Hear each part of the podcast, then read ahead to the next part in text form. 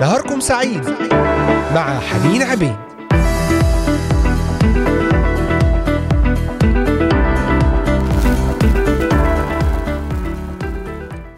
أهلا بكم أحبائي المستمعين في حلقة جديدة ضمن برنامج نهاركم سعيد لهذا اليوم الثلاثاء الحادي عشر من شهر أكتوبر عام 2022 تحياتنا من إذاعة صوت الأمل من الأراضي المقدسة لجميع بلدان الشرق الأوسط وبلدان أوروبا كندا أمريكا أستراليا. على الهواء مباشرة معكم حنين عبيد ومستمرين في سلسلتنا ضمن اصنع لنفسك معروفا واغفر. نتحدث عن الغفران عن المرارة عن الغضب عن المشاعر التي تنبع من عدم الغفران. واليوم حديثنا عن إخفاء الغضب وراء القناع فتابعونا واستمعوا إلينا مباشرة من خلال قناة اليوتيوب إذاعة صوت الأمل بث مباشر وعبر تطبيقات الهواتف النقالة Voice of Hope Middle East وعبر موقعنا الرسمي voiceofhope.com أيضا على صفحة الفيسبوك وعلى منصتي التليجرام والإنستغرام Voice of Hope. بإمكانكم متابعتنا وكتابة تعليقات ومشاركات. إخفاء الغضب وراء القناع لأن الناس عموما يرون الغضب سلوكا غير مقبول فنحن نجد طرقا لإخفائه عن الآخرين وعن أنفسنا أيضا إذ نلبس الغضب قناع تصرفات أخرى. ويمكن ارتداء القناع لإخفاء شيء لا تسر برؤيته كما نمنع الناس من رؤية ما وراء القناع. نعم. حان الوقت لخلع الأقنعة ومواجهة الغضب على حقيقته والتعامل معه بحسب إرادة الله. بعض الأقنعة التي نرتديها حين نغضب قناع البرودة وهو قناع منتشر فإننا نتظاهر بأننا لسنا غاضبين ونصبح باردين.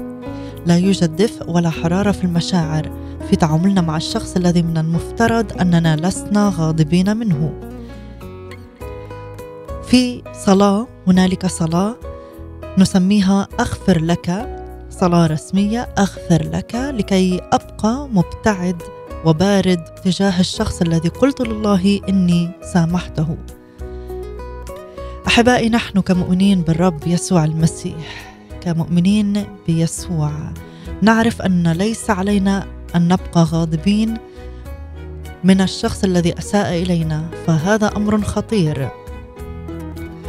ولأننا نريد أن نقوم بإرضاء الرب نقوم بالصواب.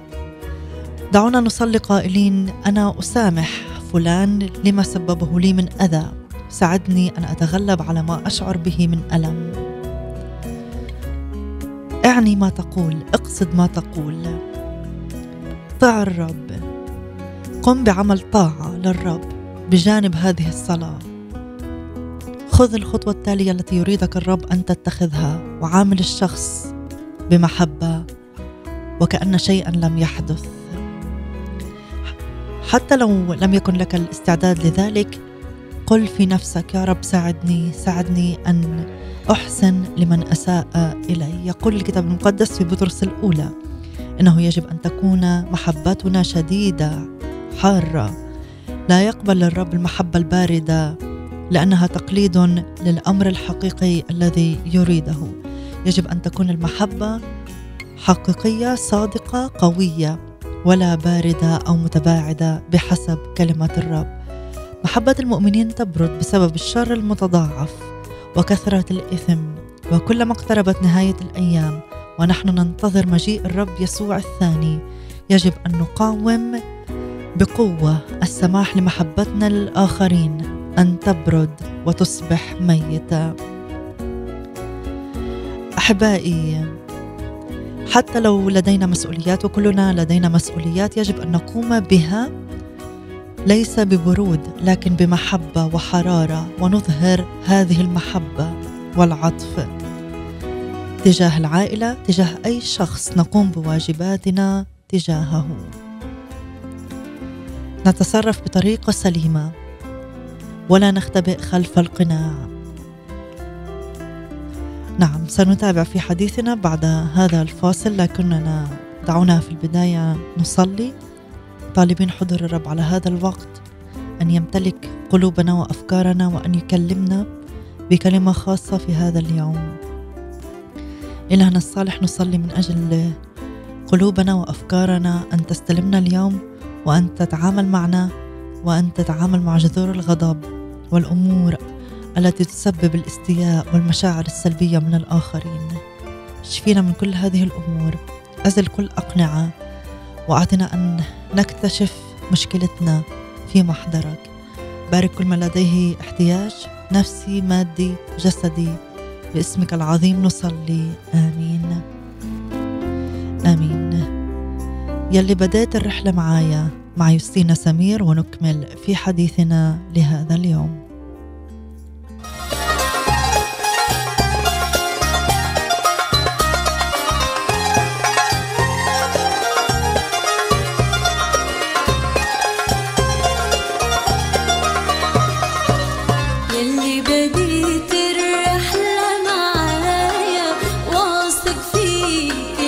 take care.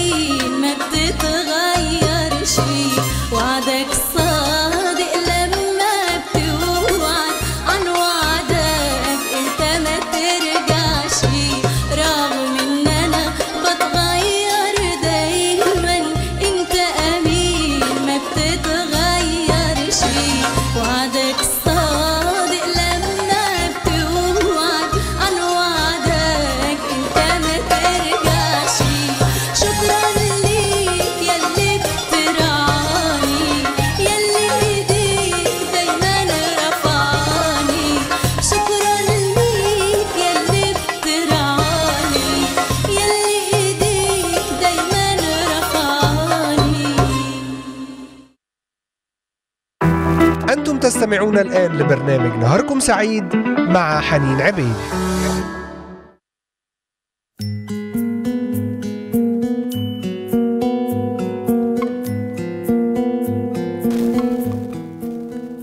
نعم عدنا إليكم أحبائي المستمعين بعد هذه الترنيمة المباركة مع يوستينا سمير. ونتحدث عن إخفاء الغضب وراء القناع لأن الغضب سلوك غير مقبول حسب النظرة العامة فنجد طرقا لإخفائه عن الآخرين وعن أنفسنا أيضا فنلبسه تصرفات أخرى. قناع البرودة تحدثنا عنه. نتظاهر أننا لسنا غاضبين ونصبح باردين.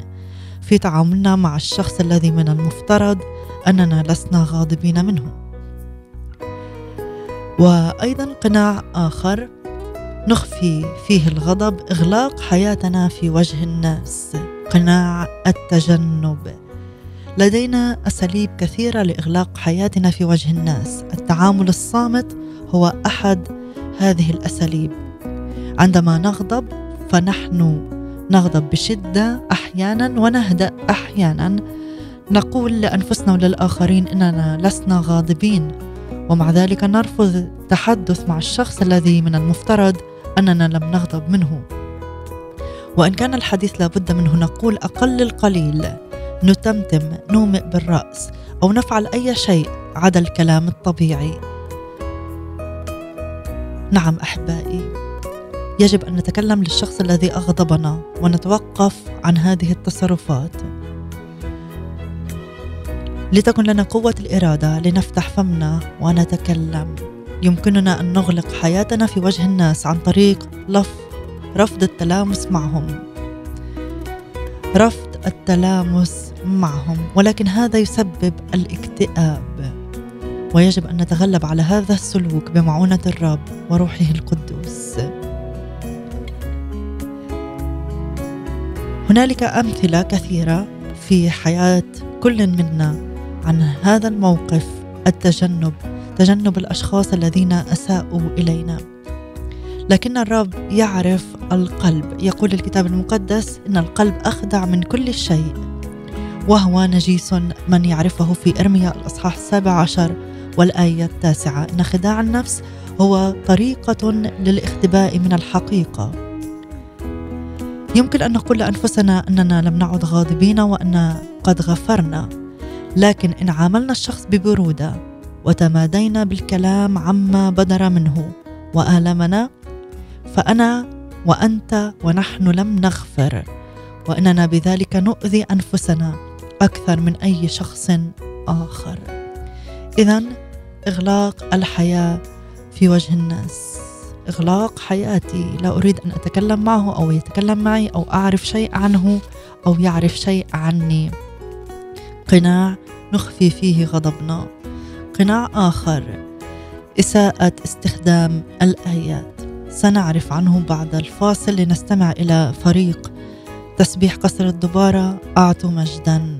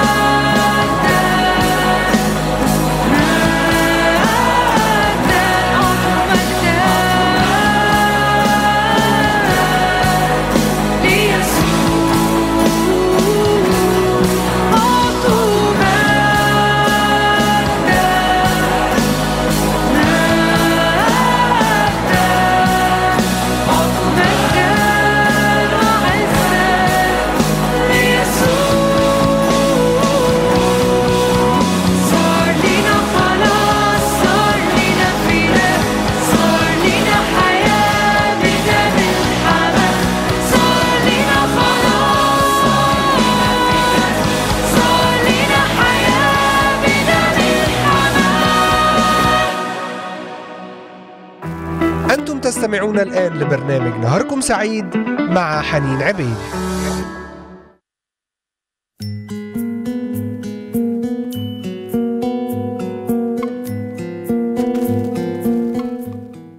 صار لنا خلاص صار لنا فداء صار لنا حياة بدم الحمل. يسوع المسيح. حمل الله الذي رفع خطية العالم يقول عنه الكتاب المقدس لم يكن يصيح يرفع صوته. قصبة مردودة لم يقصف فتيلة خامدة لم يطفئ. يسوع كان مثالا في الوداعة والتعامل مع كافة أجناس وأنواع الناس بدون أي غضب. لم يرفع صوته لم يكن غاضبا مستاء بالرغم من ازدحام الجموع والكثيرين حوله إلا أنه كان يعامل الجميع برقة قلب وتحنن.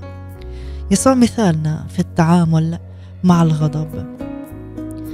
أحبائي آية نكررها خلال هذه الحلقات. لا تغرب الشمس على غيظكم لا تعطوا إبليس مكان. ونتحدث في هذه الحلقة ضمن سلسلة اصنع لنفسك معروفا واغفر عن الأقنعة التي نغطي فيها غضبنا لأننا لا نريد أن يكتشف الناس مشاعر الغضب التي لدينا والاستياء الذي في داخلنا. تحدثنا عن قناع البرود، برودة في التعامل، برودة في التواصل والكلام والتفاعل مع الأشخاص وهذا أمر لا يحبذه الرب، الرب يريدنا أن نكون حارين محبين بقلب طاهر بشدة أيضا تحدثنا عن قناع آخر وهو إغلاق حياتنا في وجه الناس قناع التجنب وهو يتم في أساليب كثيرة. التعامل الصامت هو أحد هذه الأساليب. عندما نغضب قد يشتد الغضب وينفجر أحيانا ونهدأ أحيانا. نقول لأنفسنا وللآخرين أننا لسنا غاضبين ونرفض التحدث معهم على أننا بالرغم من أننا لم نغضب منه. وتحدثنا أيضا في هذه النقطة أن الكتاب المقدس يقول في سفر أرميا الأصحاح السابع عشر والآية التاسعة القلب أخدع من كل شيء وأنه من الصعب على المرء أن يعرف قلبه. خداع النفس هو طريقة للاختباء من الحقيقة. يمكن أن نقول لأنفسنا أننا لم نعد غاضبين وأننا غفرنا.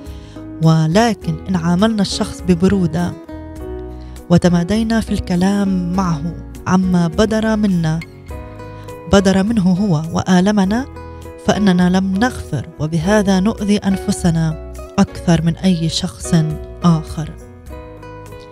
قناع استخدام الآيات. يمكننا استخدام آيات الكتاب المقدس لنسكب غضبنا أمام الناس. والمثال الجيد في هذا نجده في أفسس الأصحاح الرابع حيث يقول صادقين في المحبة.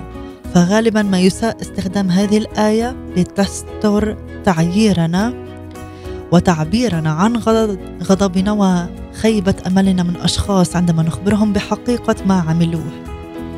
هل نخبرهم بالحقيقة لمصلحتهم أم لمصلحتنا نحن؟ نستخدم هذه الآية صادقين في المحبة. لكي نعبر عن غضبنا وخيبة أملنا من أشخاص. بمعنى أذهب إليه بغضب بمرارة بسخط وأعاتبه تحت شعار هذه الآية صادقة في المحبة. أنا آتي إليك بمحبة وأطرح أمامك كل هذا الشكوى كل هذه الشكوى بغضب. سنتابع حديثنا في هذه النقطة ونقطة أخرى بعد أن نستمع إلى ترنيمة مع سرمد الياس ومريم شوقي بتشكل فيا. تعالوا نرفع قلوبنا إلى الرب من خلال هذه الترنيمة ونطلب عمل الروح القدس عمل الفخار الأعظم عمل الرب يسوع ليشكل فينا وفي دوافعنا ليكون هنالك تشكيل إلهي والتعامل مع الغضب الداخلي باسم يسوع. تعالوا نستمع إليها ونعود لنكمل وإياكم.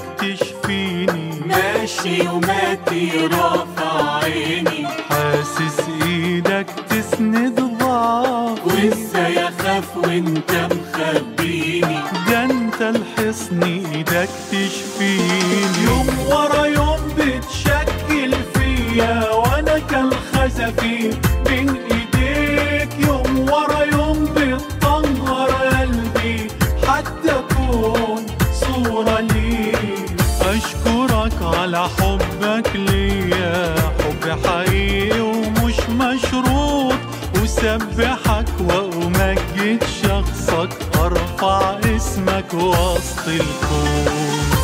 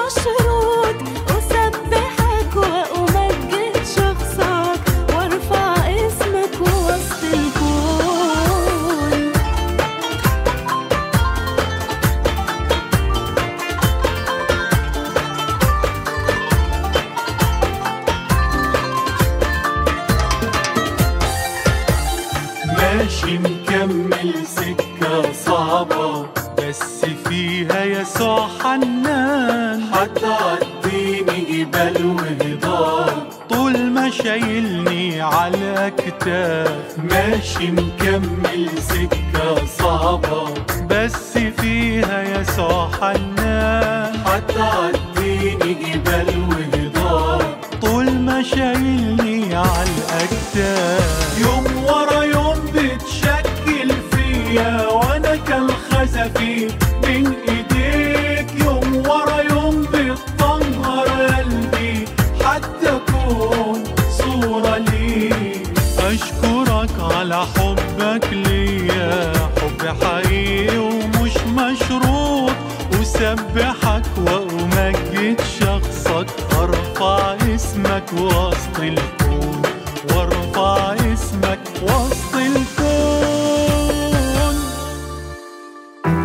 أنتم تستمعون الآن لبرنامج نهاركم سعيد مع حنين عبيد.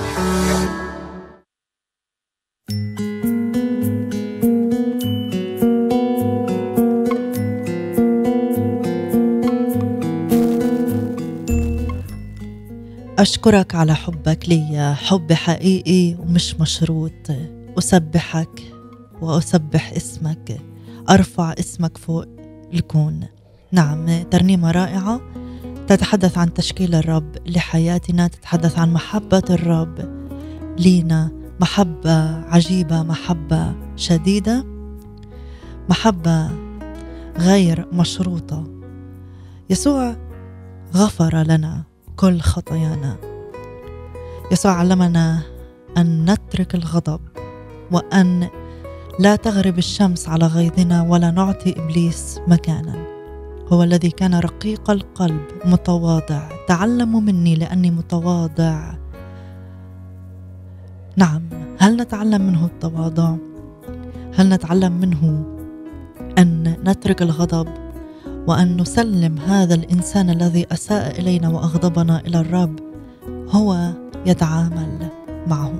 لأننا لو حاولنا أن نتعامل مع الغضب بطريقتنا بقوتنا لربما نفسد الأمر أكثر. لذلك تكلم إلى الرب عن هذا الشخص. تكلم عن المشكلة. وصلي وانتظر أن يعطيك الحل من عنده. في حلقتنا لليوم نتحدث عن أقنعة نغطي بها الغضب والقناع هو شيء يضعه الشخص لأنه يريد أن يخفي مشكلة أو يخفي شيء في وجهه في ملامح ملامحه في شخصيته لا يريد أن يظهرها للآخرين. إساءة استخدام الآيات. يمكننا أن نستخدم إساءة أو نسيء استخدام آيات الكتاب المقدس لنسكب غضبنا على الناس. في أفسس الأصحاح الرابع والآية الخامسة عشر يقول صادقين في المحبة. وغالبا ما يساء استخدام هذه الآية لتستر تعبيرنا عن غضبنا وخيبة أملنا من أشخاص عندما نخبرهم بحقيقة ما عملوه. وهل نخبرهم بالحقيقة لمصلحتهم أم مصلحتنا نحن؟ هل نقول الصدق في المحبة بسبب اهتمامنا الصادق بهم؟ أم أننا وجدنا طريقة ننسبها لله نقدر بها أن نوبخهم؟ علينا أن نواجه الآخر بما اقترفه. اترك قربانك على المذبح واذهب أولا اصطلح مع أخيك. لكن علينا أن نتأكد أننا نفعل ذلك لخيره هو أيضا كما أنه لخيرنا. لا يحب البعض المواجهة وقد تكون هذه مشكلة البعض في الواقع. ويكون علينا أن نتعلم ألا نواجه إلا عندما يرشدنا الرب لذلك. هنالك مواقف مثلا يريد الرب فيها أن نحتفظ بها لأنفسنا دون أن نخبر عنها أي شخص. لا يعني أن شخصا ما جرح مشاعرنا أني لابد أن أخبره بذلك. فقد يكون قرارنا أن نستر الإساءة ونتخلى عنها قرارا أعظم وأكثر تقوى وأكثر شهادة وأكثر سماح لعمل الرب هو أن يعمل فينا. فيمكن لغضبنا أن نتحول إلى دراما فنحن نمثل فيه بطرق مختلفة. ونخدع أنفسنا عندما نعتقد أننا لسنا غضوبين اطلب من الله أن يخبرك إن كنت تخبئ غضبك تحت قناع ما. وابدأ في السماح لله بجلب الشفاء لحياتك. نتذكر الآية الرائعة في الإنجيل تعرفون الحق والحق يحرركم. اطلب من الله أن يظهر غضبك. ولا تخدع نفسك وتستره تحت القناع. يخبرك أين تخبئ غضبك وإن كنت بالأساس تخبئ غضبك. اطلب من الرب الشفاء. تعرف الحق والحق يحررك. تعالوا نرنم هذه الترنيمة الرائعة مع فريق صدى صوت يرويني يا يسوع بحنانك. اطلب من الرب أن يرويك بمحبته بحنانه لتشفى من كل جذور غضب. ولتزال كل أقنعة عن غضبك ليكشفها الرب ويتعامل معها اليوم.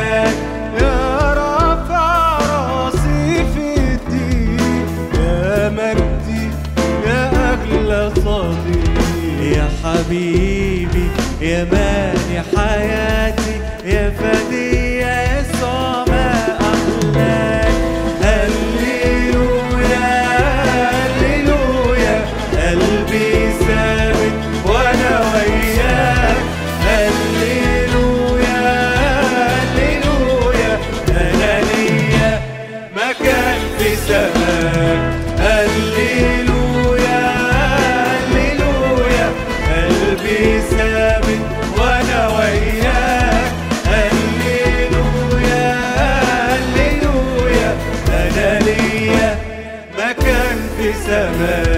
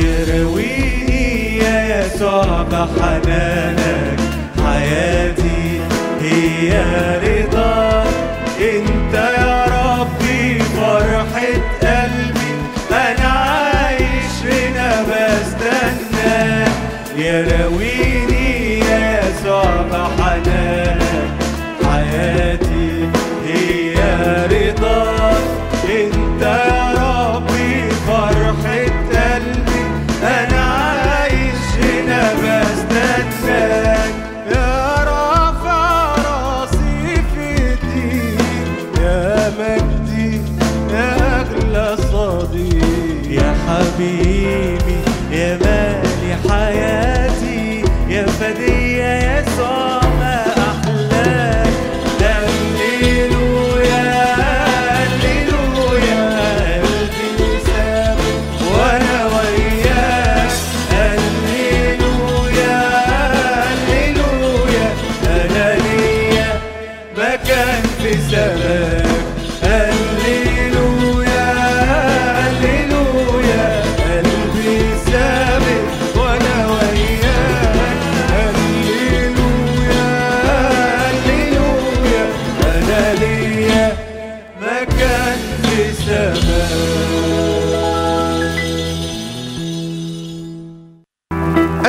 تستمعون الآن لبرنامج نهاركم سعيد مع حنين عبيد.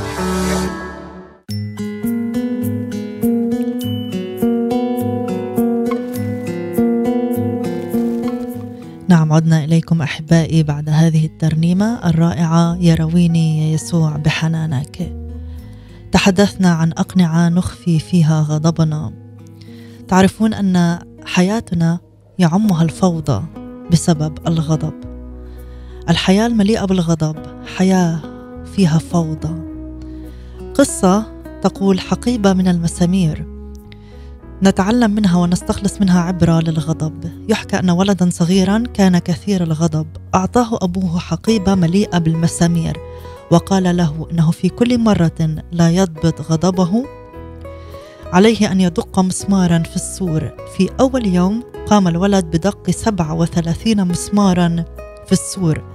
لكن تدريجيا تقلص عدد المسامير التي تم دقها. فقد اكتشف أن ضبطه لغضبه أسهل من دق هذه المسامير في السور. وأخيرا أتى اليوم الذي لم يفقد فيه الولد أعصابه ولا مرة. فأخبر والده بما حدث وهو فخور بنفسه. فما كان من الأب إلا أن قال له إن عليه أن الآن أن يقتلع مسمارا عن كل يوم يتمكن فيه من السيطرة على أعصابه. مرت الأيام وتمكن الولد أخيرا أن يقول لأبيه أنه اقتلع كل المسامير. أخذ الأب ابنه وذهب به إلى السور وقال له لقد أبليت بلاء حسنا يا بني لكن انظر للثقوب التي في السور. لن يكون السور على سابق عهده ابدا. عندما تقول شيئا في غمرة الغضب تترك ندبة كهذه. يمكنك أن تغرس سكينه في جسد شخص وتخرجها منه. ومهما قلت له إنك آسف فإن الجرح لا يزال موجود. ما هي نتيجة الغضب طويل المدى سوف يدمر جوانب حياتنا كلها. الغضب طويل المدى. سوف يدمر كل جوانب حياتنا الجسد والنفس والروح. تتأثر سلبيا بالغضب. يتم تدمير صحتنا وعلاقاتنا. الغضب يعيق المستقبل الناجح لأنه يغير من شخصيتك. فالإنسان الغضوب لا يقدر على الاحتفاظ بوظيفته. لا يمكننا أن نكون كما يريدنا الرب إن بقينا غاضبين. نعم أحبائي المجتمع كله يتأثر بغضبنا لكننا نحن من يتأثر أكثر من أي شيء. وشخص آخر. لذلك اصنع واعمل في نفسك معروفا واغفر. تذكر حتى إن كان غضبك هو نتيجة إساءة مبررة فأنت ما زلت لم تساعد نفسك أو تحل الموقف إن بقيت غاضبا. غاضبا. الله يريدنا أن نحيا حياة فضلة حياة مباركة سبق ورتبها وأعدها لنا وإن تعاوننا معه بعمل ما يطلبه منا سنتمتع بهذه الحياة. إن لم نفعل ذلك سنفقد الهدف وسنفقد هذه الحياة. سيظل الله يحبنا دائما لكننا سنفقد فرحه وفرحة خطته الصالحة. اعمل في نفسك معروف وارفض أن تفقد أمرا واحدا صالحا مما أعده الرب. لك باسم الرب يسوع المسيح. له كل المجد والبركة. تعالوا نختتم مع هذه الترنيمة مع مينا جميل أنت إله عظيم. اصنع لنفسك معروف واغفر. في المرة القادمة عندما تتقابل مع شخص أساء إليك في الماضي أو لربما توجهت لك إساءة اليوم و أو ستتوجه لك إساءة لكن قرر أنك ستغفر باسم يسوع المسيح. آمين آمين. إلى لقاء آخر في حلقة جديدة. أحبائي المستمعين من برنامج نهاركم سعيد الرب يبارك بقية يومكم باسم يسوع المسيح.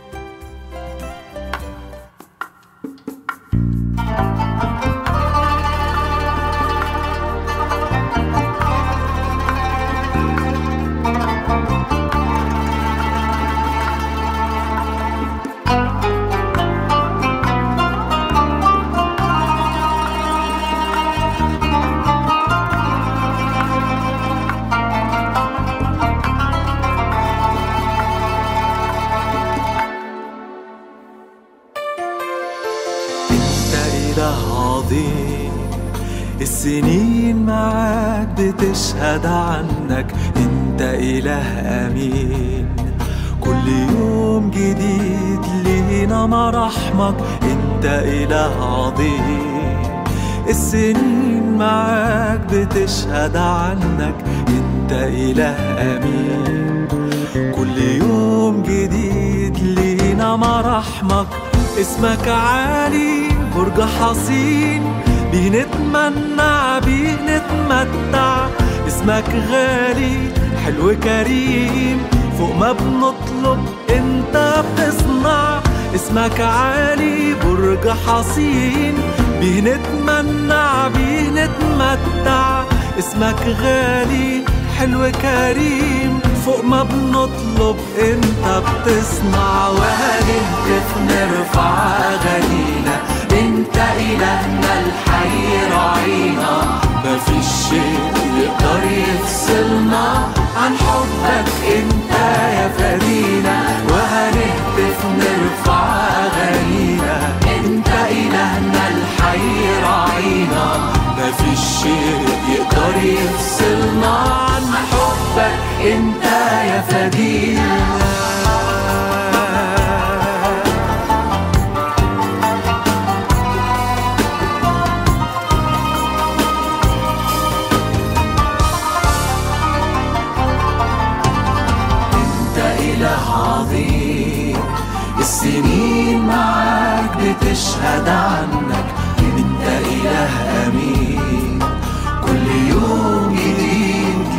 لينا مراحمك انت اله عظيم.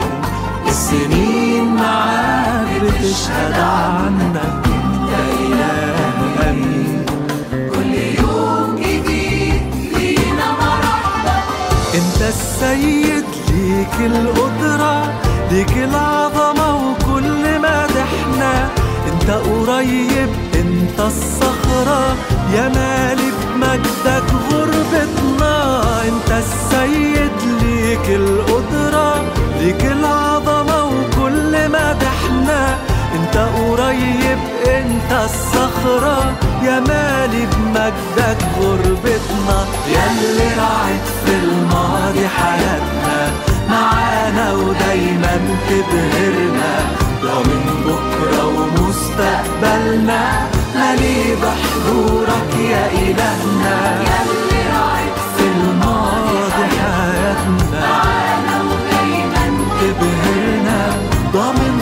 بكرة ومستقبلنا مليء بحضورك يا إلهنا